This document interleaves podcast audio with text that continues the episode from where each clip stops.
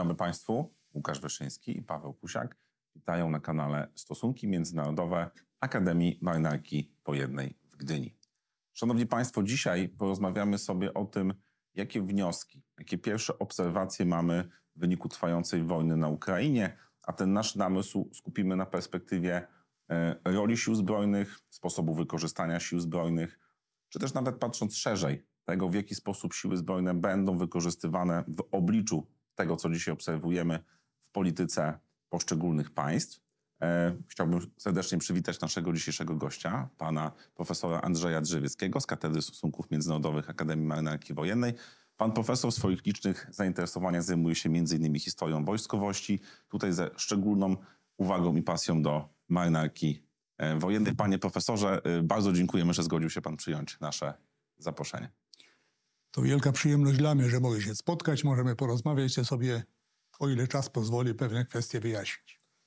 Panie profesorze, wojna na Ukrainie, czy rosyjska inwazja na Ukrainę trwa już ponad rok i niewątpliwie w wielu miejscach yy, zaczęto podsumowywać pewne jej etapy. Wiem, że pan yy, od dłuższego czasu zajmuje się porządkowaniem pewnych wniosków, refleksji, które płyną dla no przede wszystkim wojska z y, tej wojny. Czy mógłby Pan na początku powiedzieć, no jaka jest y, motywacja Pana do, do podjęcia się tego y, działania, no i jakieś takie ogólne konstatacje na temat samych, samej refleksji na temat e, wojskowego wymiaru i doświadczeń z wojny na Ukrainie? Powiem w ten sposób, że są przynajmniej trzy powody albo trzy przesłanki, które spowodowały, że ja zajmuję się tym, co dzieje się za naszą wschodnią granicą. Pierwsza sprawa to jest takie zwykłe podejście obywatelskie. Ponieważ dzieje się to w kraju sąsiednim, to myślę, że każdy przytomny na umyśle Polak nie jest mu obojętne, co się dzieje za naszą wschodnią granicą, lub też z takim poważniejszym pytaniem, co z tego może wyniknąć w dalszej perspektywie również dla Polski. Bo Polska jest zaangażowana i to bardzo poważnie w pomoc Ukrainie i w rozwiązywanie pewnych spraw natury polityczno-wojskowej, w związku z tym to zaangażowanie generuje określone konsekwencje. Drugi powód to jest ten, na który wskazał pan doktor Łukasz Wyszyński. No, jestem pracownikiem tej katedry, a zatem zwykła przyzwoitość nakazuje, abyśmy ze studentami w ramach ćwiczeń, czy to dotyczących spraw międzynarodowych, czy spraw wojennych, bo mają przedmioty dotyczące sił zbrojnych w różnych aspektach, żebyśmy byli przygotowani do rozmowy z nimi, żebyśmy mogli pewne sprawy wyjaśnić, posłuchać młodych ludzi. A mamy przecież na studiach i studentkę z Białorusi, mamy na studiach wojskowych studenta Ukraińca. Z dużą przyjemnością słuchałem jego bardzo kompetentnych wypowiedzi na temat e, zagadnień morskich. Chodziło o Morze Czarne. Także jest powód i przesłanka do tego, żebyśmy, no nie daj Boże, nie odstawali od wiedzy studentów. W związku z tym, w trosce o kondycję nauczycielską, warto na te sprawy popatrzeć trochę głębiej. Trzecia sprawa wydaje mi się bardzo chyba najistotniejsza. Ja prowadzę ze studentami mundurowymi e, przedmiot sztuka wojenna. A ponieważ wojna na Ukrainie to jest taki nienapisany podręcznik sztuki wojennej. E, warto się temu przyglądać i z perspektywy taktycznej, operacyjnej, również polityczno-wojskowej, ponieważ dużo się mówi, dużo się pisze o wojnach przyszłości, a przecież to jest wojna, która trwa, czyli ona w jakiś sposób wpisuje się w to, o czym pisał chociażby Rupert Smith, o czym pisali inni teoretycy, w tym grupa generałów amerykańskich w oparciu o doświadczenia wojny w Afganistanie i w Iraku, i ta wojna również w jakiś sposób, tak powiem, budzi refleksję intelektualną. Czy rzeczywiście te przewidywania dotyczące wojny przyszłości, one się w praktyce spełniają, sprawdzają, czy może niekoniecznie musimy zamykać za sobą te rozdziały sztuki wojennej dość odległe w czasie, bo tak jak nawet dzisiaj jadąc tutaj do pracy usłyszałem, wypowiedź jednego z przedstawicieli strony ukraińskiej, który mówi, że ta wojna momentami przypomina wydarzenia sprzed 70 lat. Dlatego warto, myślę, również od tej strony takiej sztuki wojennej, a może to wielkie słowa, taktyczno-operacyjnej, roli żołnierza, roli dowodzenia, popatrzeć i mieć na uwadze, że dzieje się coś ważnego. Mówię, to taki piszący się podręcznik, który nie wiadomo, kiedy będzie ostatnia strona napisana. Ja pozwolę sobie, panie profesorze, e, zahaczyć kolejny wątek rozmowy o e, postać generała Ruperta Smitha, którego pan tutaj e, wymienił, no bo on w przygotowanej przez siebie publikacji, no, już jednak ponad 10 lat, lat temu, wskazywał, że wojny przyszłości w, w oparciu o doświadczenia pierwszej i drugiej wojny w Iraku, to co działo się w Afganistanie, no, pisał o tak zwanej wojnie wśród społeczeństw, czyli jakby można powiedzieć, że ugruntowywał ten pogląd, że wojny będą prowadzone raczej małymi siłami, mobilnymi, wyspecjalizowanymi, będą miały charakter wojen asymetrycznych, e, operacji stabilizacyjnych, będziemy walczyć przeciwko terrorystom, piratom, no a mamy, tak jak pan profesor powiedział, do czynienia w tej chwili z, piszącą się, y, z piszącym się rozdziałem historii, trwającą wojną na Ukrainie.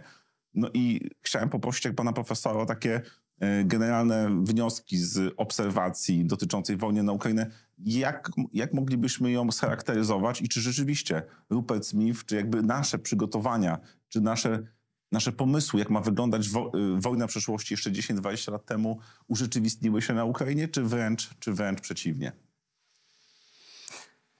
Ja byłbym daleki od sformułowania takiej radykalnej tezy, że e, Rupert Smith, mówiąc na udziwnił, że na wymyślał i tak dalej, bo jeżeli popatrzymy na wydarzenia sprzed 20 czy tam jakiejś takiej perspektywy, to mieliśmy do czynienia z wojnami, co do których można było rzeczywiście z dużym prawdopodobieństwem przyjąć, że one będą toczyły, toczyły się według, czy toczą się według już zupełnie nowych reguł. Natomiast wtedy nikomu do głowy nie przyszło, że nastąpi taki 22 rok, 2022, w którym to jedno ze światowych mocarstw, dysponujące potężnym arsenałem militarnym, w tym bronią jądrową, uderzy na sąsiednie państwo, skądinąd, o też dużym potencjale i demograficznym, ale również militarnym. Natomiast to, co można byłoby zakwestionować w tej narracji Ruperta Smitha, to jego tezę, że, która dość mocno wybrzmiała, zapomnijmy o wojnach, które znamy z przeszłości. One już nie wrócą w postaci takiej, jakiej je znamy. I nagle okazuje się, że no ta teza dzisiaj jest przez wielu obserwatorów krytykowana, albo inaczej podważana, bo się okazuje, że w tej toczącej się wojnie w Ukrainie mamy do czynienia z elementami, powiedziałbym, bardzo nowoczesnej wojny cybernetycznej, wojny hybrydowej, z elementami wojny bardzo tradycyjnej, czyli elementami wojny, które całe rozdziały można wyjąć czy e, porównać z rozwiązaniami I wojny światowej, a przede wszystkim II wojny światowej. Jak popatrzymy, pierwszy przykład, który rzuca się w oczy, to mówiono, że nie będzie tych potężnych linii frontów, które znamy z przeszłości. Nagle okazuje się na Ukrainie mamy front długości 2,5 tysiąca kilometrów. Jak powiedział to jeden z brytyjskich obserwatorów, to jest tak jakby front przebiegał w poprzek Europy. Oczywiście ten front też się różni od tradycyjnych frontów, czyli w sprawie tej wojny na Ukrainie, czy w Ukrainie, jak niektórzy mówią, powiedziałbym, czy powtórzyłbym, to jest taka mieszanina bardzo nowoczesnych rozwiązań organizacyjnych e, z bardzo tradycyjnymi, które znamy z przeszłości. I prawdopodobnie to chyba do końca tej wojny, jeżeli w ogóle można tak powiedzieć, do końca tej wojny, musimy być przygotowani na to, że będziemy mieli do czynienia właśnie z takim swoistym wymieszaniem. O tym chcę powiedzieć, że o tym znakomicie, tak powiem, wypowiedział się profesor Stanisław Koziej, generał, który właśnie to podkreślał. To zróżnicowanie, że na jednym biegunie mamy super nowoczesne technologie, a na drugim biegunie mamy łopatkę saperską, okop żołnierski. Tak, i, i czołgi wyjmowane z magazynów z lat 60. i 70. Także, tak. także, a, to tutaj dotknął pan bardzo ciekawej sprawy, bo znów e, chyba Witold Jurasz użył takiego określenia, wydaje mi się bardzo trafnego lepszy sprzęt stary niż żaden. Lepszy sprzęt sprawdzony y, na manewrach, na ćwiczeniach, na strzelnicach, na poligonach, aniżeli mówiąc, taki, który zjedzie z taśmy produkcyjnej, nie jest ostrzelany, nie jest, tak powiem, objeżdżany i niesprawdzony w realiach pola walki. To y, tyle, jeśli chodzi o, o tą kwestię takiego, powiedziałbym, ogólnego spojrzenia.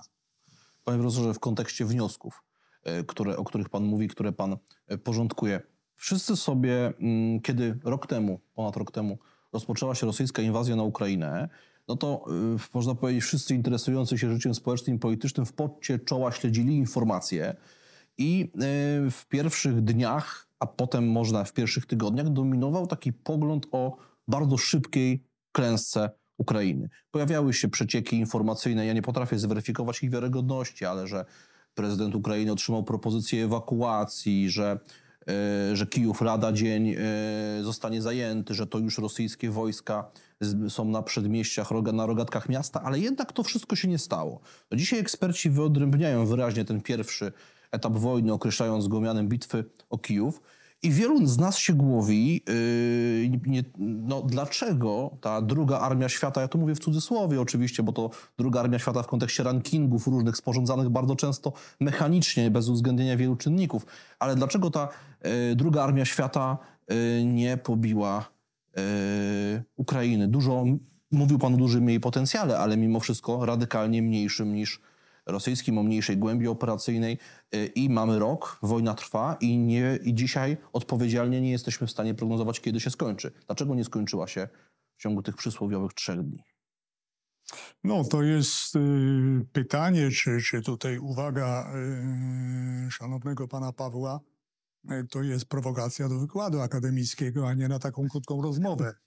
Y, ale niewątpliwie problem bardzo istotny. Tak, rzeczywiście, jak patrzymy na przebieg tego już trwającego ponad rok ostrego konfliktu, bo musimy pamiętać o tym, że on formalnie trwał od 2014 roku, tak? Tak.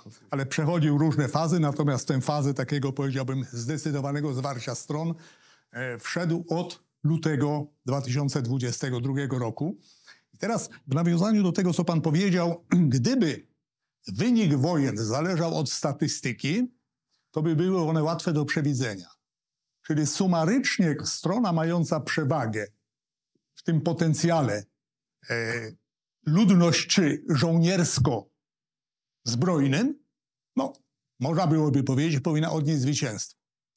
Natomiast ponieważ ja y, próbuję, tak powiem, studentom wojskowym, y, tak powiem, przekazać pewną wiedzę z zakresu sztuki wojennej, to mądrzy teoretycy wojskowi napisali taki mądry komentarz, że nawet najlepszy plan operacyjny przegrywa już w pierwszym dniu wojny. Czyli kiedy wybuchają wojny, to wszystkie plany wcześniej przygotowane, zestawienia i tak dalej, po prostu przegrywają z realiami wojny.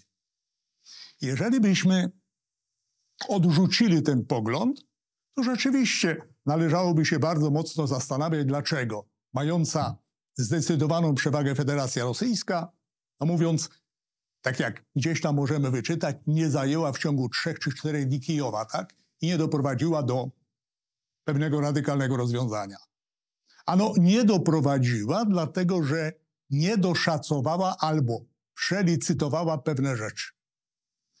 Y, Ja tutaj aż siłą rzeczy prosi się, żeby przywołać Ludendorfa i jego wojnę totalną. Znakomity, tak powiem, podręcznik sztuki wojennej, bo w moim przekonaniu na Ukrainie mamy do czynienia z wojną totalną. Bo linia frontu linią frontu, tak jak tutaj mamy na tym załączonym obrazku, ale przecież cała Ukraina bierze udział w tej wojnie. I teraz, jeżeli popatrzymy w ten sposób na potencjał Ukrainy, to on zdecydowanie inaczej wygląda. Ukraina, podobnie jak wiele innych krajów, szanowni panowie, też przeszła radykalną redukcję sił zbrojnych. W momencie w 2014 roku, jeżeli dobrze tam doczytałem, Ukraina miała siły zbrojne rzędu około 100 tysięcy. Natomiast ta wojna spowodowała, że te siły zbrojne gwałtownie urosły do 250 tysięcy. Mówimy o wojsku, regularnej armii. Do tego dochodzą wojska obrony terytorialnej. Do tego dochodzi samoobrona. Ukraińcy z dnia na dzień znakomicie uczyli się wojny, bo społeczność dotknięta wojną uczy się wojny. Ponadto proszę pamiętać, że ta wojna nie ma symetrii. Dlatego, że ona toczy się na Ukrainie, ona nie toczy się na pograniczu, gdzie obydwie strony w jednakowy sposób doznają, tak powiem, chciałby się powiedzieć, okropności albo uroków tej wojny, tak? Bo gdyby Rosjanie mieli to samo doświadczenie, którego doświadczają Ukraińcy, prawdopodobnie też by inaczej na tę wojnę patrzyli.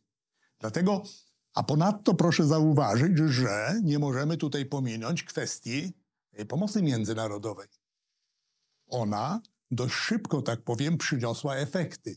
I teraz no są nawet wnioski takie, które e, no, dość radykalnie są formułowane, że to już nie jest wojna rosyjsko-ukraińska, tylko że to jest wojna Federacji Rosyjskiej z demokratycznym światem zachodnim, który wspiera rację stanu Ukrainy, któremu zależy na tym, żeby Ukraina obroniła swoją suwerenność i niepodległość. Oczywiście nie mamy tam żołnierzy, czy to natowskich, natomiast mamy potężne ilości sprzętu. I to sprzętu, powiedziałbym, z wysokiej półki.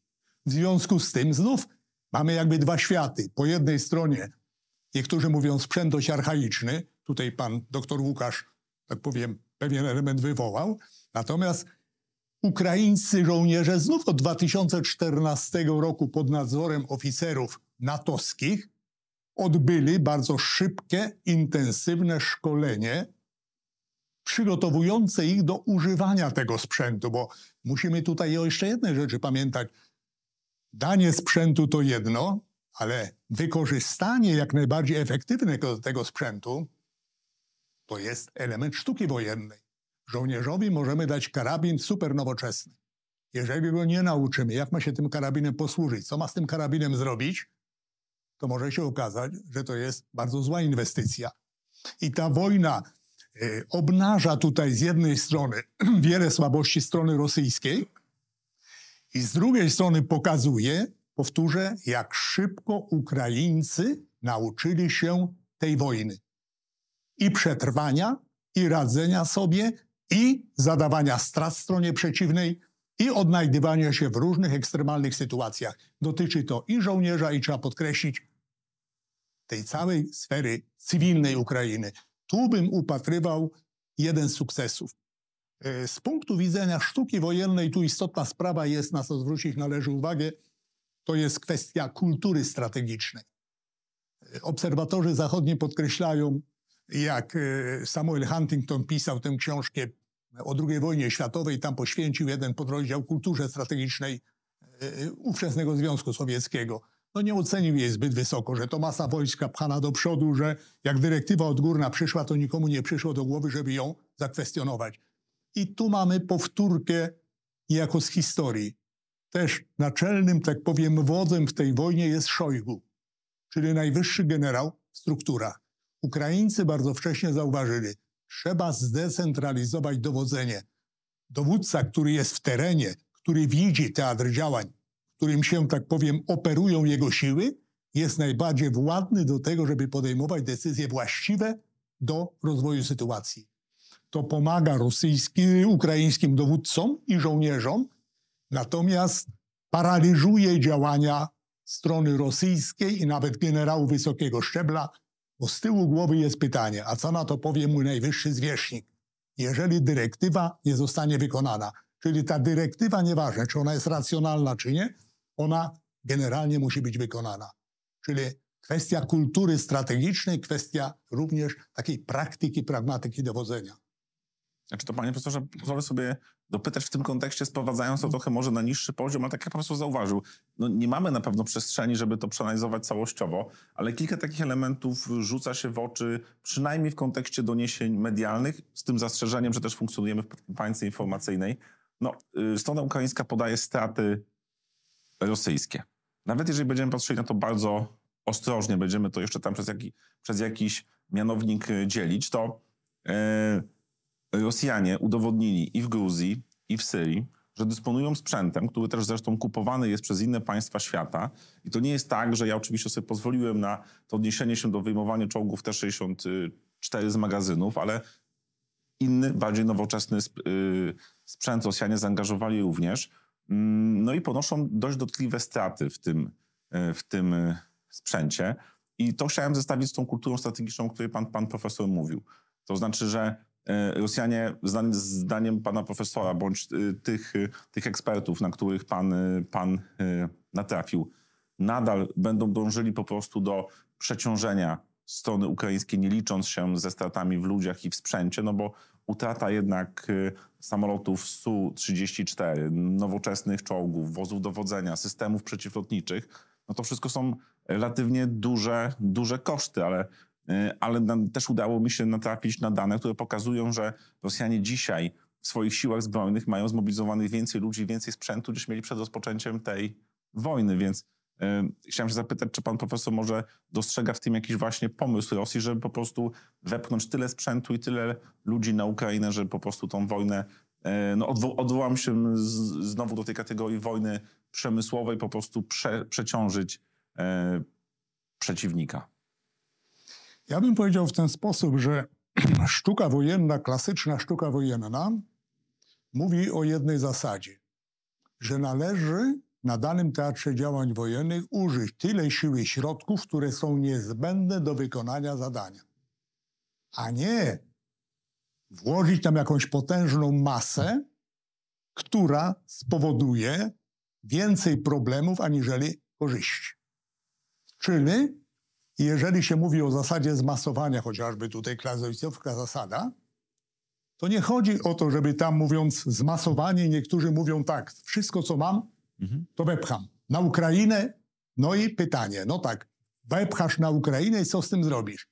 Proszę zauważyć, w tym pierwszym etapie, do którego tutaj pan yy, Paweł nawiązywał, Ukraińcy bardzo skutecznie atakowali logistykę.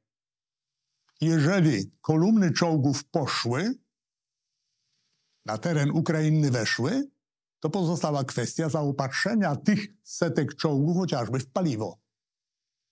Jak Rosjanie to rozwiązują, to żeśmy to widzieli przynajmniej fragmentarycznie. Kładą linie przesyłowe paliwa na powierzchni ziemi, bo chodzi o szybkie tak, rozwiązanie. No przecież dla Wojsk Obrony Terytorialnej, dla dywersanta jest to podanie, mówiąc na tacy, pewnego ważnego elementu logistycznego zaopatrzenia. W związku z tym, e, nawet wczoraj gościem w TVN24 był generał Kraszewski. I tam pojawił się ten element i między innymi został wywołany taki problem, bodajże Chiny e, próbują się, mówiąc, ustawić takiej roli negocjatora, żeby doprowadzić do zakończenia tej wojny. I wczoraj wywołano, że gdzieś tam krąży taka informacja, że mniej więcej za pół roku może być ten konflikt, czy ta wojna, nazywajmy rzecz po imieniu, zakończona, dlatego że obie strony, tak powiem, wyczerpią swoje możliwości jej prowadzenia. I tu zaczyna się problem. Czy rzeczywiście za pół roku Rosja, przy tym potencjale, którym dysponuje, nawet jeżeli on rzeczywiście, tak jak tutaj yy, pan podkreślił, że no nie są to technologie, tak powiem, z najwyższej półki, tak, ale ten potencjał jest liczącym się i ten demograficzny, i ten przemysłowy, i tym bardziej, że jak słyszymy, Rosja przestawia swoją gospodarkę już na typowe tryby czy tok wojenny. E, Czy rzeczywiście za pół roku wyczerpią się zapasy? Czy możliwości prowadzenia wojny? Należy uznać to za wątpliwe. Po drugiej stronie, niewątpliwie światu zachodniemu zależy na tym, żeby rzeczywiście ta wojna zmierzała do jakiegoś rozwiązania. Ale przecież nikt na Ukrainie nie może wymusić, żeby zrzekła się anektowanych terenów i tych wschodnich, i chociażby Krymu, tak? Zresztą prezydent Ukrainy wyraźnie mówi, że warunkiem rozmów jest, tak powiem, pełna integralność terytorialna Ukrainy. W związku z tym natomiast zwracam uwagę na jedną rzecz. I to znów mówi o tym jedna zasad sztuki wojennej. Czy to nam się podoba, czy nie. Następuje coś takiego jak zmęczenie wojną. Zwłaszcza u krajów, które niosą dużą pomoc i tą humanitarną, a zwłaszcza tą stricte wojskową, a nie widać, tak powiem, efektów konkretnych tej pomocy w postaci przełamania na froncie, w postaci odzyskiwania terytorium. I tu niewątpliwie jest poważny kłopot, E, Ja chciałbym w tym miejscu, jeżeli panowie pozwolicie, zwrócić uwagę na znakomity artykuł e, pana doktora Łukasza Pawłowskiego e, dotyczący pewnego mainstreamu politycznego amerykańskiego, gdzie już pojawiają się głosy. Ameryka przede wszystkim, że to nie nasza wojna, że ta pomoc militarna, potężna, idąca w miliardy, już przywołuje takie gdzieś tam, mówiąc, e, głosy, co prawda nie masowe, pojedyncze, ale głosy również ze szczebla politycznego, że e, no pytanie jest typowe, jakie my korzyści z tego tytułu odnosimy, tak? Że Ameryka, czyli to typowe zjawisko zmęczenia wojną nie jest tu nic nadzwyczajnego i ono będzie następowało i w Rosji, i w Ukrainie, i będzie następowało również w krajach niosących pomoc. Natomiast my tutaj nie spotkaliśmy się po to, żeby wróżyć. Ta wojna, mówiąc, będzie miała pewnie jeszcze różne, tak powiem, przesilenia, będzie odkrywała nowe karty. Bo jak popatrzymy na użyty sprzęt, to dzisiaj problemem dla, w tej wojnie, proszę panów, jest amunicja. I ta artyleryjska, i mówiąc wszelaka inna. Jeżeli słyszymy, że Ukraina zużywa więcej amunicji na tej wojnie, mówię strona ukraińska, aniżeli cały Zachód jest w stanie, wyłączając Stany Zjednoczone, wyprodukować, to możemy tylko zachodzić w głowę, z jakim potężnym zjawiskiem zużycia uzbrojenia mamy do czynienia.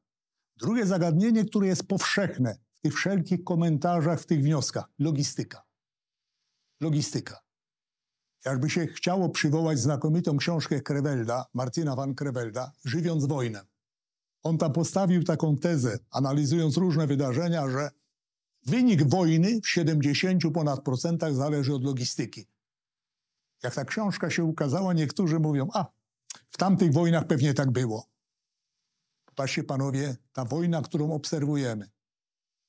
Stawiam tezę, że nawet o kilka procent więcej bym postawił niż stawiał Krewel, że ta wojna zależy właśnie od logistyki, od dostawy, od wyszkolenia, od przygotowania i od różnych innych elementów składowych, które wypełniają to pojęcie logistyki, tej typowej logistyki pola walki.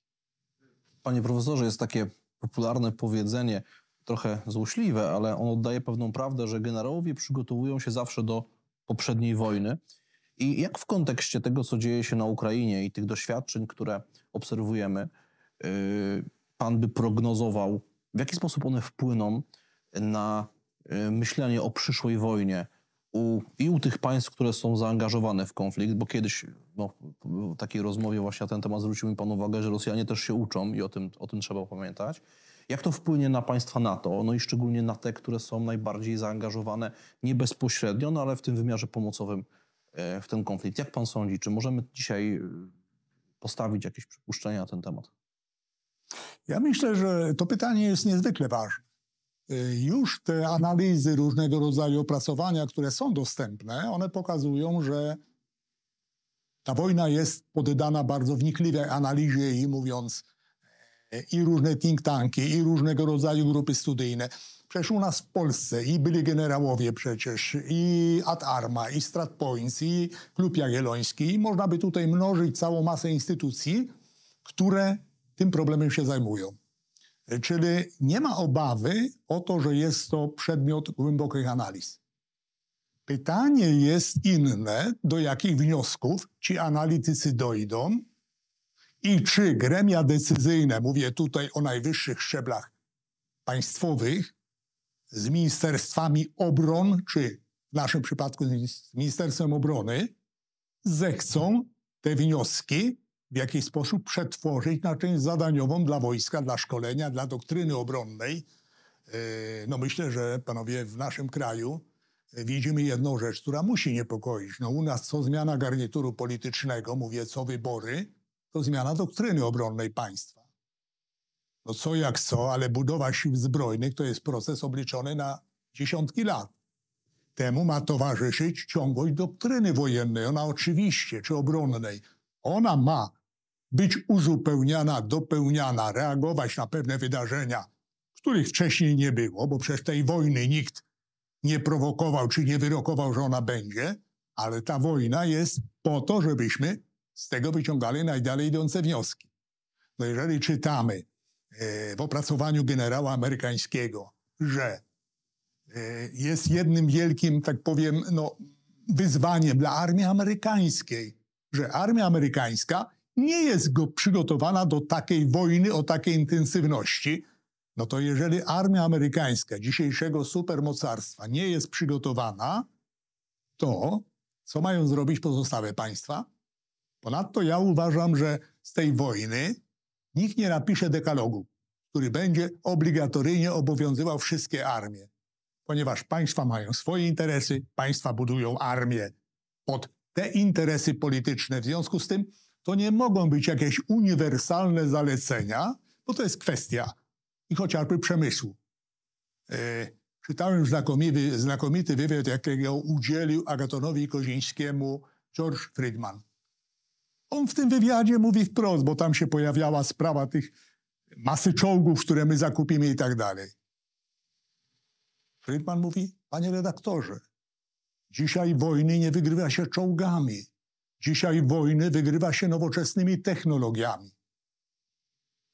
Oczywiście ta wojna pokazuje, że czołg ma swoją rolę do odegrania na tym polu walki. Ale ten czołg potrzebuje osłony, ten czołg potrzebuje wsparcia, potrzebuje zabezpieczenia.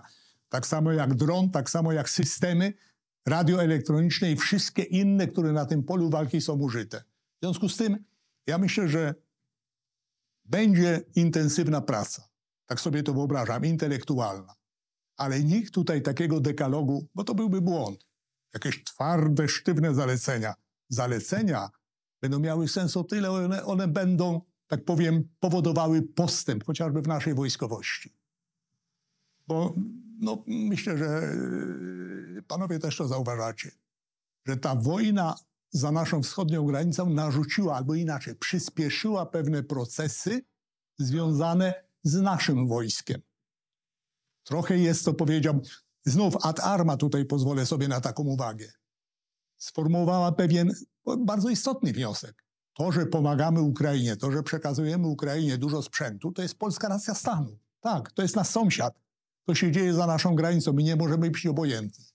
Ale jeżeli przekazujemy sprzęt, czy to czołgi, wczoraj informacja gdzieś tam ze źródeł prezydenckich, że jesteśmy gotowi przekazać migi. Okej, okay, tylko od razu jest pytanie.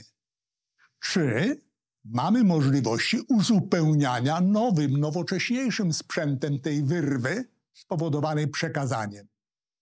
Bo jeżeli tak, absolutnie jest to zgodne z regułami. Ale jeżeli nie, no to najdelikatniej rzecz ujmując, osłabiamy własne zdolności obronne. Dlatego to jest mechanizm naczyń połączonych. I myślę, że Dobrze byłoby, gdyby eksperci międzynarodowi ze sobą rozmawiali, żeby nie każdy dla siebie budował wnioski, tylko żeby, o tak jak tutaj panowie żeście wspomnieli, NATO. Co zrobi z tym NATO? Co zrobi z tym Unia Europejska, bo też chce budować siły zbrojne. NATO nie przygotowuje się do wojny przeciwko konkretnemu państwu. NATO przygotowuje się do interwencji w razie zagrożenia któregoś z członków. Czyli dzisiaj nie jesteśmy w stanie powiedzieć, że Musimy się przygotować na wojnę z Rosją, bo zagrożenie może przyjść z zupełnie innego kierunku. W związku z tym mądrość będzie polegała na tym, jakie wnioski z tej wojny wyciągniemy, co my z nimi zrobimy i na ile skutecznie, tak powiem, wdrożymy do organizacji sił zbrojnych, do uzbrojenia, do szkolenia, do niewątpliwie zostanie z nami już na zawsze. Wojna elektroniczna, cyberwojna i tego typu mechanizmy współczesnej wojny.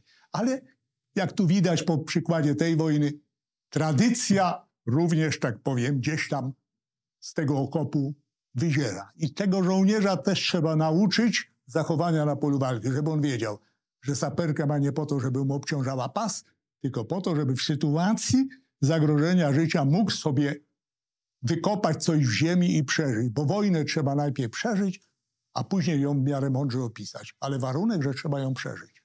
Y, panie profesorze, to Pozwolę sobie jakby na y, ostatnie pytanie, trochę na bazie mm, wątpliwości, które nie tylko mam ja, ale także które wyrażają właśnie osoby, które zastanawiają się, jak, na, jak powinniśmy myśleć o siłach zbrojnych w kontekście tego, co obserwujemy na Ukrainie. Bo pan profesor za, y, zauważył, powołując się na szereg publikacji czy autorów, że to jest wojna, w której problemem jest dostarczanie amunicji w bardzo dużych ilościach. To jest kwestia y, gotowości przemysłu, żeby tego typu y, zasób dostarczać. To są problemy logistyczne, no ale z jednej strony widzimy właśnie tą tradycyjną artylerię, ostrzał artyleryjski. Widzimy, jak ja pan powiedział, znaczenie czołgów, tylko to wszystko jest sprzężone właśnie w ten nowy siecio, sieciocentryczny model pola walki, że mamy nowe technologie, rozpoznanie satelitarne, powietrzne, e, z, zobrazowanie tej całej sytuacji, przesyłanie informacji w czasie rzeczywistym.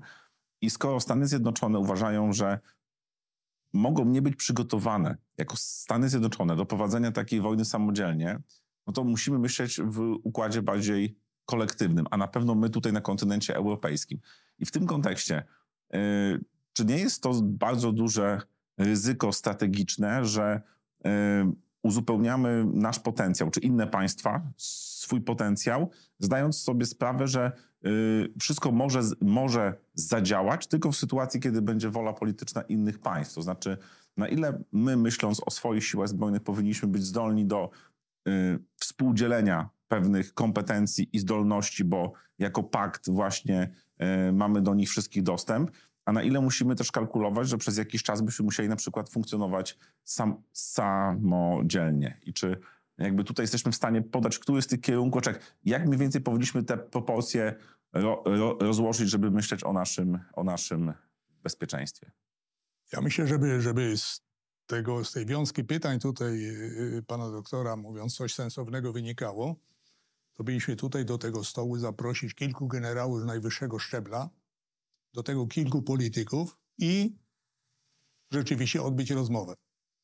E, bo to jest cały pakiet e, spraw niezwykle ważnych. I narodowych, ale również i międzynarodowych, koalicyjnych.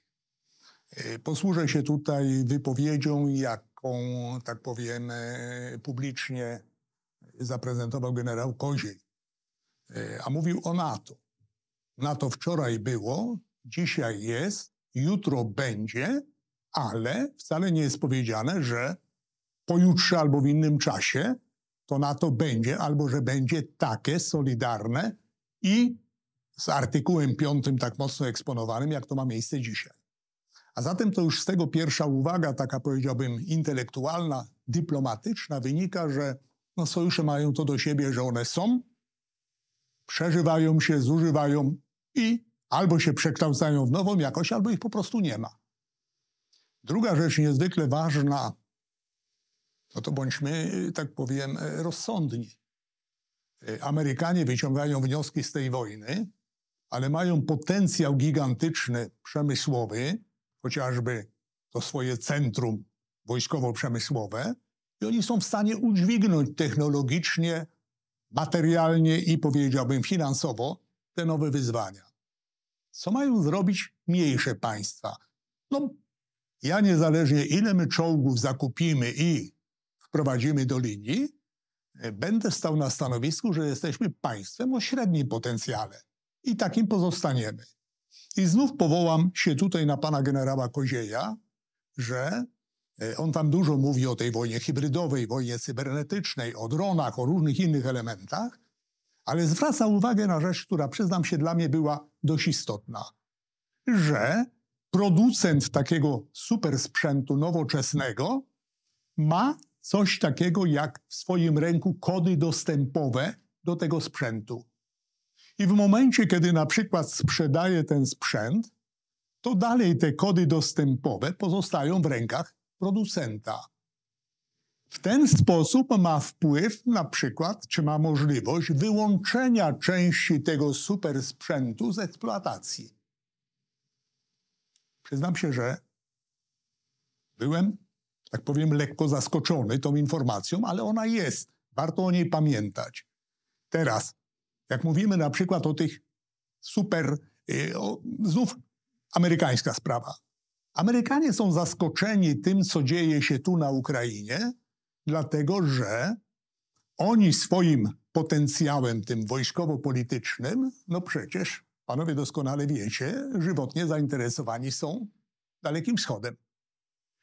I tam w tych perspektywach, tak powiem, ewentualnych konfliktów przeważają w tym opisie konflikty morskie, powietrzne albo połączenie tych dwóch elementów. Konflikt morski. Tu mamy do czynienia z klasyczną, potężną wojną lądową. Potężną, klasyczną wojną lądową. Wojny lądowe kierują się zupełnie inną logiką aniżeli ten konflikt, do którego z tego wynika ten wniosek amerykański, że do takiej wojny, nie to, że armia amerykańska nie jest gotowa do wojny, tylko że do takiej wojny nie jest gotowa, bo to trzeba podkreślić. I teraz znów przechodząc na nasze rodzime podwórko. No oczywiście należy docenić to, że ministerstwo podejmuje działania zmierzające do zwiększenia potencjału, powiedziałbym, liczebnego armii. Chociaż można by tu cytować niektórych generałów, którzy do tego podchodzą sceptycznie, mówią, a czemu 250, a nie 300 tysięcy? Bo to znów nie jest rzecz w statystyce, czy to będzie 250 czy 300, tylko pytanie będzie korzenne, źródłowe. Chodzi o jakość. Jaka będzie ta armia? Czy to będzie 150-200 tysięcy ludzi nowocześnie przygotowanych, nowocześnie myślących, zwłaszcza kadra, która dowodzi, nowocześnie, tak powiem, zweryfikowanych na różnych elementach gier, gier decyzyjnych. Czy no będziemy tak, w takim powiedziałbym świecie satysfakcji, aha, jest nas 300 tysięcy w mundurach. Yy, czyli niekoniecznie ilość będzie wyznaczała jakość. Natomiast pozostaje u nas niezwykły problem. Ten problem, powiedziałbym, rodzimego przemysłu zbrojeniowego. My mamy proszę panów, jaskółki chociażby, kraby, inne elementy, e, które są, no powiedziałbym, zweryfikowane na Ukrainie i sprawdzają się doskonale. Ale e, to są pewne jaskółki, jak powiedziałem, natomiast wojsko potrzebuje całego spektrum. I znów, oczywiście, sprzęt można kupić, żołnierza trzeba wyszkolić, wychować, sprzęt można kupić.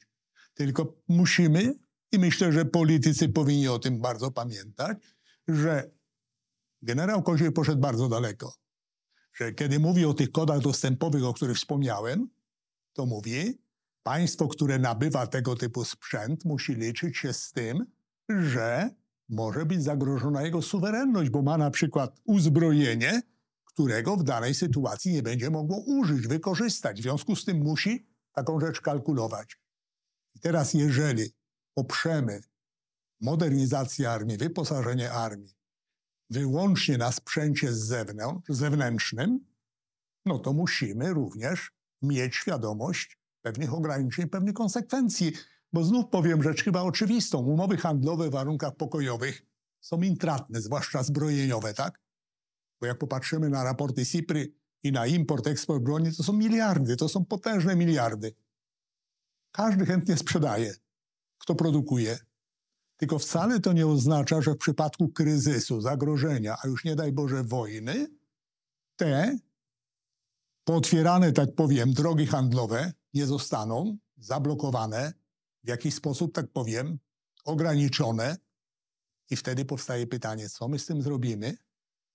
Oczywiście ja rozumiem tutaj, że jakby w Pana wypowiedzi jest tak, tu powinna być nie atrapą, tylko dopełnieniem tego sojusz, silne oparcie w sojuszu. Tylko sojusze e, to jest wypadkowa, powiedziałbym, woli działania wszystkich jego uczestników. Jak popatrzymy na to, co dzieje się w naszym tutaj europejskim świecie, czy na Unię, czy NATO, no ile Donald Trump musiał wymachiwać, tak powiem, pięścią, żeby zmusić Europę, chcecie bezpieczeństwa, płaccie więcej na NATO, tak? Ile krajów spełniło ten postulat minimum 2%? My byliśmy jednym z pierwszych, chyba nawet pierwszym krajem. Ale inne do tej pory, czyli to, powiedziałbym, ta wspólna wola, żeby się tylko nie objawiała w przypadku, kiedy wróg jest już za miedzą. Żeby ona była taką, powiedziałbym, objawiała się w takiej codziennej pragmatyce. Ćwiczymy, szkolimy, przygotowujemy, bo w razie czego jesteśmy w stanie podjąć efektywne działania.